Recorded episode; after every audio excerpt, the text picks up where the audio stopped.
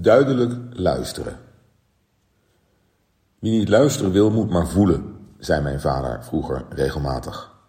Ik heb lang gedacht dat hij met dit voelen een pak rammel bedoelde, iets dat hij overigens nooit heeft gedaan. De betekenis van dit gezegde heb ik pas veel later ontdekt, toen ik zelf leerde luisteren. Leiders luisteren slecht, zo hoor je veel. En dat is spijtig, want zo lopen ze belangrijke ideeën uit de organisatie mis. Precies vandaar waar innovatie en executiekracht samengaan.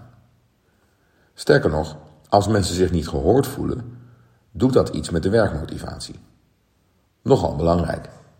Daar zal iedereen het over eens zijn. Laten we eens onderzoeken welke dynamieken in de praktijk achter onvoldoende luisteren en gehoord worden schuil kunnen gaan. Het kan te maken hebben met de wat eendimensionale taakopvatting van sommige leiders om vooral richting en antwoorden te geven. Luisteren is soft. Sommige andere leiders zijn zo licht geraakt dat hun angst verder luisteren blokkeert. Ze doen niet wat ik zeg, hoor je dit type leider vaak uiten. Vaak komt in zo'n geval je feedback weer als een boemerang op je eigen bord terug. Ook kan spelen dat een leider zoveel input krijgt dat het niet meer lukt het iedereen naar de zin te maken. In zo'n geval kan de klacht niet gehoord te worden een vertaling zijn van onze eigen teleurstelling niet te krijgen wat je wilt. Luisteren is, al met al, een complex iets. Het vraagstuk beschouwd vanuit de zender. Zijn zenders wel duidelijk genoeg in hun input? Of durven zij niet te zeggen wat ze te zeggen hebben? Ook dat is spijtig, want zo lopen er legio leiders rond zonder goede feedback. Die krijgen zo niet wat ze nodig hebben en waar ze recht op hebben. Hoe komt het dat wij ons niet altijd zonneklaar uitspreken? Of misschien soms zelfs leiders naar de mond praten? Wat ligt daaraan ten grondslag? Carrièrevrees? Please-gedrag? Sociale onveiligheid door de machtsverhouding?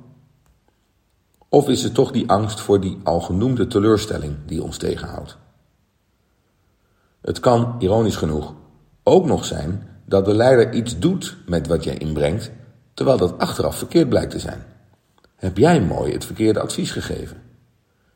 Zenden is, al met al, een complex iets. Luisteren en zenden zijn werkwoorden in een complexe relatie tussen mensen, met de nodige onderliggende mechanismen aan beide kanten.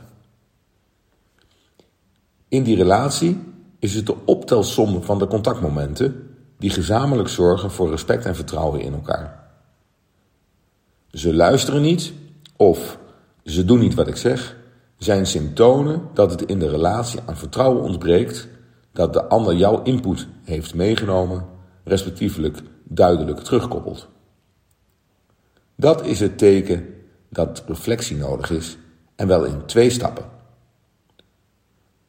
Allereerst introspectie op je eigen motief. Is het je om de organisatie te doen? Of trekt stiekem toch je eigen pijn of angst aan de touwtjes? En daarna in dialoog met de ander. Geef elkaar zo zuiver mogelijke feedback. Als duidelijk zenden en zorgvuldig luisteren ook in zo'n gesprek niet lust, niet lukt, geldt uiteindelijk toch wat mijn vader bedoelde met wie niet luisteren wil, moet maar voelen.